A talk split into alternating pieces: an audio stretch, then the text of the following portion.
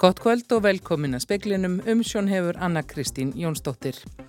Ríkið var í dag dæmt til að greiða tveimur útgerðarfélögum um hálfan miljard kvoru í bætur vegna útlutunar makrílheimild á árunum 2011 til 18.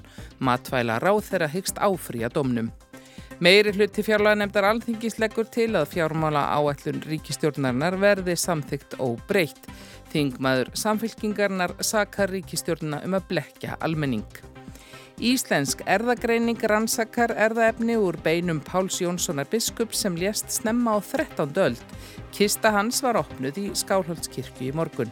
Og samtök atunlífsins telja of mikla áherslu lagða á tekju öflun ríkisjóðs umfram útgjaldahliðina í aðgerðum sem eiga að slá á verðbolgu. Bæði vinslustöðin og hugin lögðu Íslenska ríkið fyrir hérastómi Reykjavíkur í morgun í dómsmáli um útlutun aflaheimilda fyrir makril. Sjö útgerðafyrirtæki stóðu uppaflega að mála reksturinn en fimm hættu við. Hérastómur Reykjavíkur dæmdi í morgun Íslenska ríkið til að greiða útgerðafélagunum, hugin og vinslustöðinni um miljardi bætur í makrílmálunu svo kallaða. Ríkið þarf einni að greiða allan málskostnað samtals 25 miljónir króna. Hugin fær 467 miljónir en vinslustöðin 514 miljónir auk vaksta. Sjö útgerðafélög höfðuðu skadabóta mál á hendur Íslenska ríkinu þar sem samalöð krafa hljóðuðu upp á 10,2 miljarda. Máli snýrist um útlutun veiðil heimilda fyrir makríl á árunum 2011 til 2018. Jón Bjarnason, þáverandi sjávaröldurs ráþera, ákvaðaði í stað þess að kótin færi allur til þeirra sem höfðu veiðirinslu, fór hluti hans til smábáta og hluti í pott fyrir mistór skip. Hæstirettur komst að þeirri niðurstöðu að bara þeir sem höfðu veiðirinslu hefðu átt að fá kvóta. Þegar koronaveri faraldurinn stóð sem hæst voru útgerðafélögin gaggrínd fyrir að halda skadabótamálunu til streitu. Fossettisráðara saði þetta ekki góða leið til þess að ebla samstöði í samfélaginu og fjármálaráðara saði að ef svo ólíklega færi að ríkið eru dæmt til að borga bætur, yrði reikningurinn sendur á sjáurútvegin ekki skattgreðendur. Í framhaldinu hættu fimm útgerðafyrirtæki við. Í yfirlýsingu sögðu þau að heimsfaraldurinn hefði haft viðtæk áhrif á ríkisjóð og allt íslenskt samfélag og ekki sæði fyrir endan á því. Allir yrðu að leggja lóð á vogaskálanar. Freyr Gíja Gunnarsson tók saman. Svandi Svavarstóttir matvælar á þeirra segir það óásættanlegt að skattgreðendur fái reikningin frá sterk efnuðum og arðsömu fyrirtækjum þegar ríkið reynir að ná tökum og efnagsástandinu. Mín pólitíska afstæða er svo að það skjóti mjög skökku við að uh, almenningur fái reikningin uh, eftir þessa niðurstöðu Eh, ég tel raunar að við eigum að áfrýja málunu og ég held að það sé mikilvægast að fá úr þessu skorið fyrir eh, domstólum á aðra domstíði. Sagði Svandís Svavarsdóttir. Ráðamenn víðum heim hafa fordæmt eðileggingu Kakovka stíplunar í Úkrænu. Úkrænumenn og rússar kenna hvorir öðrum um sprenginguna. Volodymyr Selenski fórseti Úkrænu óskar eftir því að öryggisráð saminuðu þjóðana komið saman. Hann segir að árásinn síni skýrt hvernig rústneskir ráðamenn komið fram við almenna borgara í Ukrænu og um alla Evrópu. Selenski segir rúsa hættulegustu hriðiverkamenn heims. Þetta sér að demonstrúja í segjum cynizmum Rússia stafatja do lutei, čiju zemlu zahupila. Það sjó náttúrulega Rússia nese Evropi. Peter Stanjó, talsmaður Evrópusambandsins, hefur fordæmt árásina og telur hann að vera merki um að átökin hafi stigmagnast. Sjálfs Michel, forseti Evrópuráðsins, segir árásin að vera stríðsklepp. Antonio Guterres, framkvæmdastjóri saminuðu þjóðana, segir ekki vitað hvað allir eðileggingu stíplunar en að ljóst sé að hún sé afleðing af innrás rúsa í Úgrænu. Today's tragedy is yet another example of the horrific price of war on people. The floodgates of suffering have been overflowing for more than a year and that must stop attacks against civilians and critical civilian infrastructure must stop. Guterres segir að árásinn sé enn eitt dæmið um alvarlegar afleiðingar þess að heia stríð gegn almenningi. Í meira en ár hafi flóðgáttir þjáninga verið galopnar og það verði að stoppa. Árásum gegn almennum borgurum og mikilvægum innviðum verði að linna. Ástrós Signíadóttir saði frá og meira verið fjallað um sprenginguna og afleðingar hennar síðar í speklinum. Fjármála áallun ríkistjórnarinnar var afgreitt úr fjárlega nefnd alþingis í dag án breytinga af hálfu meiri hlutans. Þingmenn stjórnar andstöðunar gaggrína að þarna sé ekki að finna nýjar tilugur til að takast á við verðbólgu.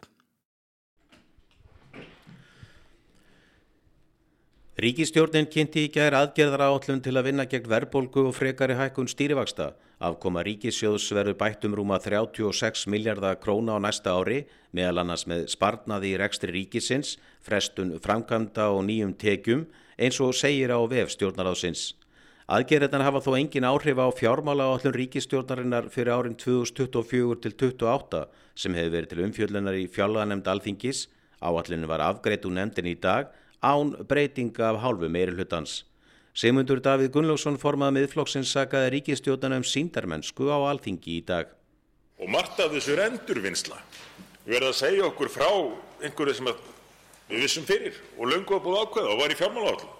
Með þess að vísa því það að þetta og hitt sé í fjármálagállum en það stendur ekki til að breyta fjármálagállunni af hálfu ríkistjórnarinnar eftir því sem okkur skilst. Engin merki um það. Með öðrum orðum meira því sama. Jóhann Páll Jóhannsson, þingmaður samfélkingarinnar, sagði ríkistjóðina stunda blekkingaleg með því að kynna gamlar aðgerðir sem nýjar. Allt tal um nýjar og afgerandi aðhaldsráðstafanir til að spórna gegn verðbólgu sem rataði í fjölmiðla í gær, allt þetta var blekking og allt þetta var blöff. Saði Jóhann Páll Jóhannsson, hauskuldur Kári Skram tók saman. Maður sem fannst látin í fjörunni við ströymeiri við Borganes 13. apríl var Modestas Antanavicius. Frá þessu greinir lögreglan á Vesturlandi. Mannsins hafi verið saknað frá því byrjun árs ekki eftir talið að andlátt hans hafi borið að með saknæmum hætti. Náttúrufræðistofnun rannsakar fjöldadauða fuggla við svegar á landinu. Sínataka matvælastofnuna leiti ljós að það var ekki fugglaflensa sem dró hundruð, jafnvel þúsundir fuggla til dauða. Sunna Björk Ragnarstóttir, sviðstjóri rannsókna á vöktunar hjá Náttúrufræðistofnun, segir að fuggladöðin sé tiltölulega umfangsmikið og óvenjulegur á þessum árstíma. Þetta er frekar viðfælt um, um bæði faksaflóan og, og suðunesinn en uh, hvað varðar fjöldan er mjög erfitt að ætla áætla hversu margir er að drepast, stórhlutasvæðinu er bara erfitt aðgengi að. Svo að auðvitað er langt mest búið að leggja mat á fjölda á, á fjölförnum svæðum og eins líka er hræjunum eh, að hluta að skóla aftur út þar sem þau líka í fjörum. Náttúrufræði stofnun hefur fengið líffræðinga hjá náttúrustofum og þekkingarsetrum til að sapna saman hræjum og koma þeim í varðveislu. Næsta skref er að krefja hræjin. Eitt af því sem gæti skýrt fuggladöðan er óvinju slemt tíðarfar allavegna sko við fugglarna sem er að drepa sérna við fagsaflón en, en við ætlum svo sem ekkert eitthvað að, að gefa endilega út um það fyrir en að það búið að krifja fugglarna og vonandi fá þá svona aðeins betri mynd á þetta en, en þetta er mjög óvinnilegt viðfar þessi mikla ölduhæð og hvort að það get ekki hafa spilað einhvern þátt í þessu. En hefur náttúrfæðastofnun séð eitthvað þessu líkt? Ekki svo ég viti til, ekki svona umfangsmikil fuggladauð á þessum ástíma en, en aftur þá auðvitað líka er veðrið ofinnulegt. En það er ekki heldur um lókufyrðarslegi að það sé ekki endilega sama orsökjuna baki fuggladauðunum sem að er í fagsaflóa og síðan kannski eins og ríturnar á, á sem hafa verið finnast mikið dauðan eins og reykjanesinu. Sko. Saði Sunnabjörg Ragnarstóttir Ísak Rekal talaði við hana. Kista Páls Jónssonar biskups var opnuð í Skálholdskirkju í morgun. Hann lést fyrir meirin 800 árum. Þjóðminjasafnið og Íslensk erðagreining rannsaka bein Páls til afla vittneski um lifnarhætti fólks fyrir á öldum. Kistan var opnuð að undan gengunum bænalestri Kristjáns Björnssonar, vikslu biskups í Skálholti, en hann veitti leiði fyrir rannsókninni. Þetta eru jarneska leifar fólk sem hefur að lifa hér og, og búið. Það skiptir bara mjög mjög máli að, að, að allt í kringu það er, er virðing. Nú verður kistna flutt á rannsóknastofu þjóðminniasapsins í Hafnafyrði. Fari verður að öllum með gátt. Hún opnuði lofttæmdu herbergi þar sem beinin verða borin saman við bein frá 17. og 18. öld sem áður hafa verið grafin upp. Joe Wallace Walser, sérfræðingur í mannabeinasafni þjóðminnasapsins, hefur umsjón með rannsókninni. Uh, við ætlum að reyna að gera forndíina rannsóknir hjá Decode allt svona vísindalegt rannsóknir gæti bendi til þess hvernig var lífinu í þáttíðinni. Páll var stór ættaður, langafi hans var sæmyndufróði og hann var meðal mentuðustu manna sinnar tíðar. Þegar Páll Jónsson er í otta að læra að þá er hann þar með Snorra Sturlu sinni og, en hann er sem sagt höfðingi og góðórsmaður áður. Þannig að hann saminar sko allt vald verallegt og andlegt þegar hann gerist biskup. En nú verða jarneskar leifar Páls fluttar til rannsóknar í Hafnafjörði. Þegar þeir rannsóknar lokið mun hann snú aftur í skálholt. Já, það er eiginlega skilirði fyrir því leifi sem ég veitti sem biskup hér. Sæði Kristján Björnsson við önnu Lilju Þóristóttur.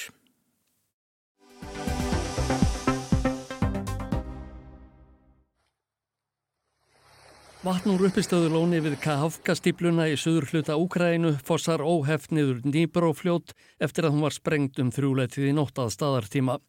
Raforku veri í bænum, Nova Kahafka, eðilaðist einnig. Haft var eftir stjórnanda þessum hátegi spil að stíplan væri gjör ónýtt.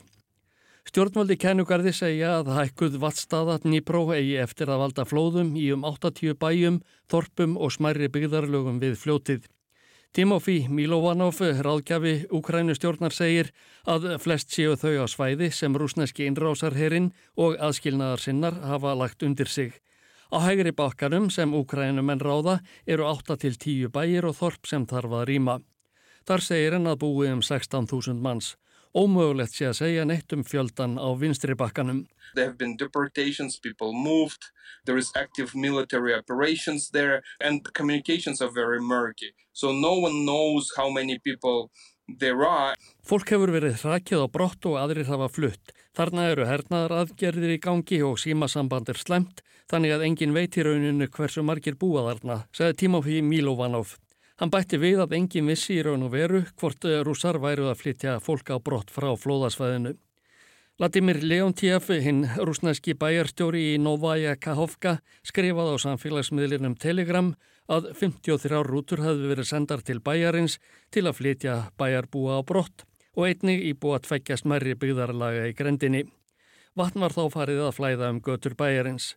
Á fréttamyndum rúsnarska sjónvarpsins mátti sjá svani synda á torginu við menningarmiðstöð bæjarins.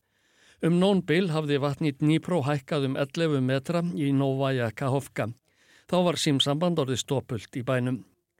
Timotí Milovanov, ráðgjafi ukrainsku stjórnarinnar, segir að sprengingin í nótt eigi eftir að hafa veruleg áhrif á vistkerfið við Dnípró í mörg ár og valda fjölda fólks erfileikum. These are directly affected, I think, hundreds of thousands of people and indirectly these are millions. Nokkur hundru þúsund verða fyrir beinum áhrifum af þessu og nokkrar miljónir fyrir óbeinum, sagði Milovanov. Úkrænski frettamadurinn Vitali Sjefsjenko hefur í dag feils með síversnandi ástandi á svæðinu eftir að stíplan var sprengt. Hann sagðist í viðtali við BBC hafa séð frettamindir og myndskeið frá byggðarlögum við Dnípró sem eru umflotin vatni. Í nokkrum tilvikum hefðu hús losnað af grunninum og flotið niður ána. Engu var í logið um mat þeirra sem hafa líst yfir neyðar ástandi. Sjefsenko sagði að íbúar fyrir ofan stípluna kynnu einnig að lenda í vandræðum.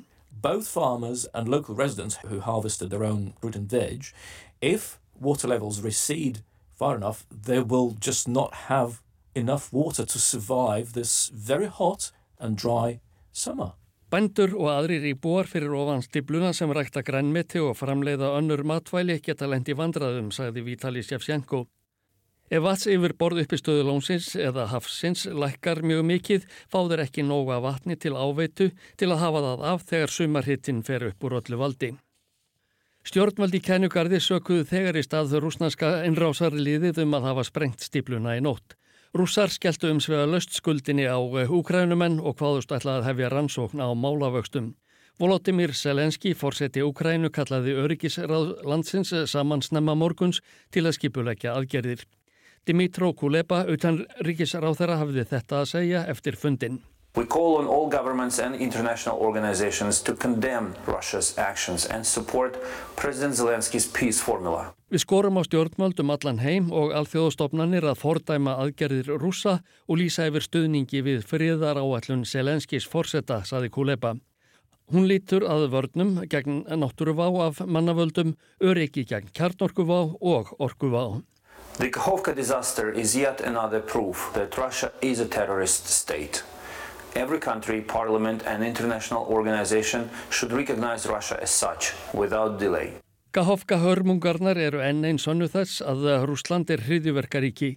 Sérkvert land, þjóðþing og alþjóðastofnanir ættu að flokka landið með þeim án tafar, bætti utan ríkisráþaran við. Antónia Guterres, aðal framkvæmda stjóri saminuðu þjóðana, rætti tíðindin frá Úkrænu og fundi með frettamönnum í New York í dag. Fréttamindir frá Kersson héræði síndu ómanúðlegar, efnahagslegar og vistfræðilegar hörmungar sem vatsflaumurinn frá stiplunni hefði valdið. Hann hvað saminuðu þjóðirnar ekki hafa aðgangað óháðum upplýsingum um hvað hefði valdið því að Kahofka stiplan eðilaðist. But one thing is clear. This is another devastating consequence of the Russian invasion of Ukraine. En eitt er ljóst, saði Guterres. Þetta er enn einn hrikaleg afleðing af innrás rúsa í Ukrænu. Hörmungarnar sagðan blasa við í Kersson, Nova Kahovka og 80 þorpum og bæjum við Dnipro þar sem verið værið að flytja íbúana á brott. Umhverfið væri stórskadað, akrar sem nýlega hefði verið sáð í væri eðulagðir, að minnstakosti 16.000 manns hefðu mist heimili sín og drikjar vatn fyrir þúsundir til viðbótar kynni að það var spilst. Saforitsja, kjarnorkuverinu, hinnu stærsta í Evrópu, væri ógnað. Jens Stoltenberg, framkvæmdastjóri NATO, var hins vegar ekki í vafa um sökudólgin þegar hann gerði tíðindin að umræðu efni og leðtóafundi Búkarest nýju samtakana í Bratislava í dag. Sprengingin væri enn einn sönnun þeirra grimdarverka sem rússar hefðu framið í Ukrænu.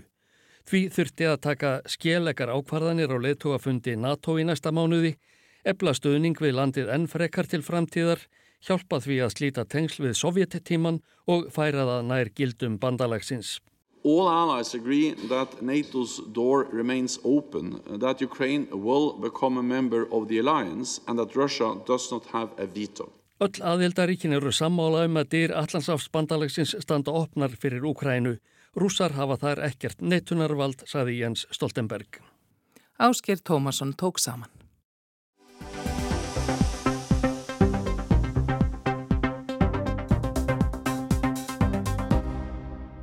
Verðbólgan fór yfir 10% í februar og hefur verið yfir 9% um alveg frá því fyrir að sömar. Seðlabankin spáði hún verði rúmlega 8% út árið og meiri á næsta ári en fyrir var spáð. Ríkistjórnin kynnti í gær aðgerðir sem eiga slá á bólguna og draga úr áhrifum hennar á þá sem ítla standa. Hækka á líferi almanatrygginga og frítekjumark húsnæðisbóta, þá líka skera niður í útgjöldum og fresta framkvæmdum á borð við nýbyggingu við stjórnaraði lækjagötu. Spara á í ríkistrekstri um tæplega 9 miljardar og fresta fjárfestingum fyrir um 3,5 miljard til viðbótar. Útgjaldamegin er stemta sparnaði upp á tæplega 18 miljardar króna en það líka stemta því að tekjur aukist um 18,4 miljardar. Anna Hrefna Ingimundadóttir, aðstofa framkvæmdastjóri samtaka atvinnlífsins, tekur sérstaklega til tveggja atriða í aðgerðapakkanum sem kynntur var og hún telur jákvæð. Það var annars vegar það að tilkynntum breyting á launahækkunum, kjörunarfulltrú aðeistu ennbætismanna er þessast minni launahækkanir heldur en er í lögum núna að það er þessast 2,5% en ekki 6% og mér finnst þetta mjög mikil á breyting. Þó hún sé kannski ekki til þess fallina að hafa mikil áhrif á afkomi ríkisjóðs þá er þetta bara mjög skýr og mikilvæg skilaboð til vinnumarkaðarins. Auðvitað mjög mikilvægt þegar það er verið að byggja aðra að sína ábyrð í þessum efnum að aðeistur aðamenn taki þá ábyrð Svo hins vegar þá tók ég eftir að það á að láta fjármálareglur taka gildi fyrr en áætla var og svo ráðast í endurskoðun á þeim, greina hvernig það hafa verið að virka fyrir okkur, bara endur mitta hvort það er eitthvað fleira sem við þurfum að gera þar. Nú veit ég ekki svo sem hvort að þessi tvei atriði eru að fara að hafa bein áhrif strax inn í verbulgu en þetta er enga síður mjög mikilvæg atriði sem ég held að sé mjög jákvæði í, í þessum pakkan. Fjármála reglurnar setja fjármála stefnu og fjármála áætlun ríkinsins þau skilirið að hildarjöfnuður ríkis og sveitarfélag á hverju fimm ára tímabili sé jákvæður og árlegur halli undir 2,5% af landsframleyslu. Heildar skuldum þessu ofinbera er líka sett þak sem miðast við 30% af vergri landsframleyslu að frátöldum líferi skuldbendingum og frádregnum sjóðum og innistæðum. Síu skuldirnar herri er gerð krafa um markvisa lækun þeirra. Önnurhefnu finnst full mikil áhersla á tekjuhlýðina í áallunum sem kynntar voru gerð. voru miklu skýraði tillögur einhvern veginn í tekjuöflun heldur en á útgjaldahliðinni. Við höfum nú bent á það ítrykkað að það er ekki tekjuhliðin sem hefur verið vandamálið í ofnbjörn rekstru undarförnu og reyndar hafa tekjur ítrykkað verið langt umfram væntingar.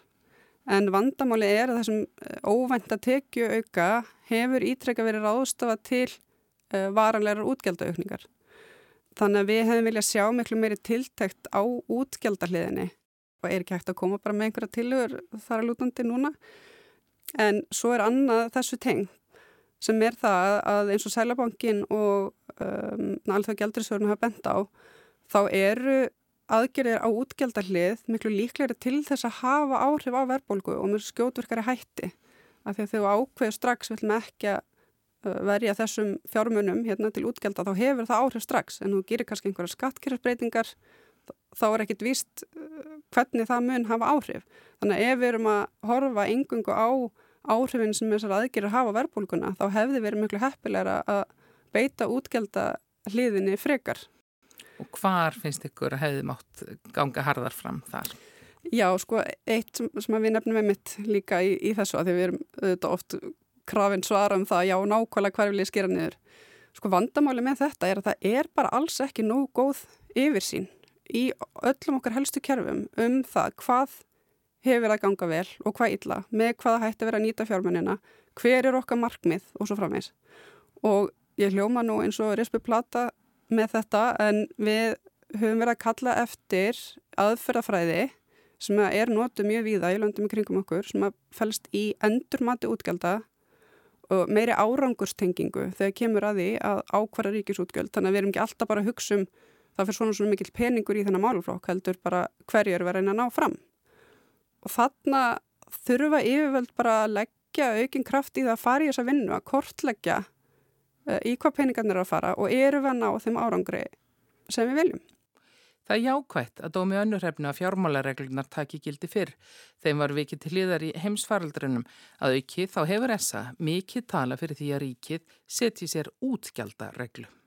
Eh, það séu einhver takmörk á því hversu mikið útgjöld geta vaksið melli ára. Þannig að ef það kemur til dæmis þessi óvænt að tekja aukning sem hefur verið núna bara í ljósi verbulgu þá sé því ekki ráðstafa beint í einhverju varanlegu útgjöld. Í þessum áallunum við talum að breyta og auka gjaldtöku af fiskaldi, ferðarþjónustu og eldsneiti og aukutækjum svo nokkuð sín nefnt. Það er auðvitað margt sem þarf að vera í sífældri endurskoðun í skattkerfunu og auðvitað til dæmis eins og nefni vegakerfið. Ég minna skattheimta hefur bara verið að gjör breytast þar á umleginum árum og auðvitað bara verðt að endurskoða.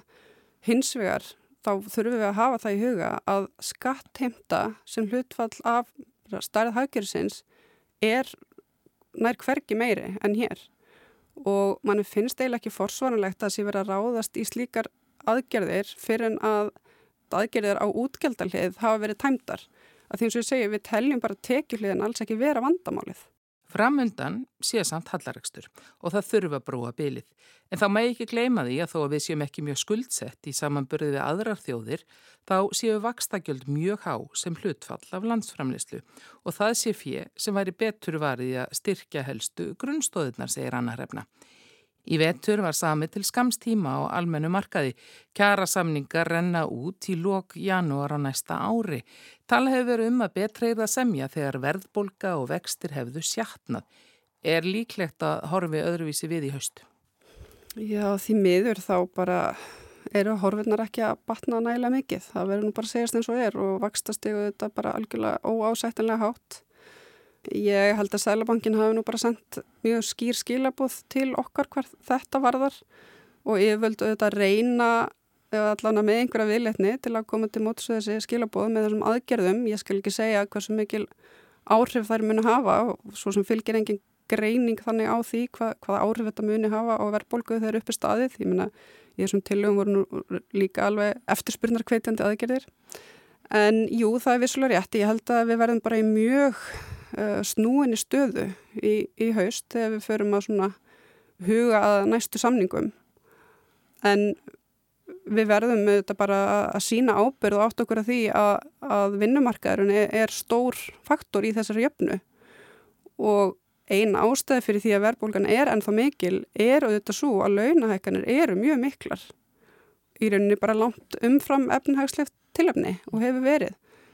Og þó að það hafi verið hérna hagvöxtur eftir faraldurinn, þá hefur líka verið gífileg fólksfjölkun. Þannig að ef við hugsaum um hagvöxt á mann og hva, hver starfsmæður er að framleiða, þá, þá hefur ekki verið mikil aukning þar á. Þannig að það gefur raun auga leið að þessar miklu launahækkanir sem að hafa verið að undarförnu að þeir muni skila sér eitthvað nátt út í vellægið og við þurfum bara að, að stoppa þennan vítarhing í rauninni. En hvað tæki eru tiltæk til að rjúfa vítarhingin önnur en að höfða til ábyrðar launþæga og fyrirtækja í flóknu samspili ríkist launagreðanda og starfsmanni í samlingum? Kanski þurfum við bara einhvers konar nýja tegund af einhverju þjóðarsátt.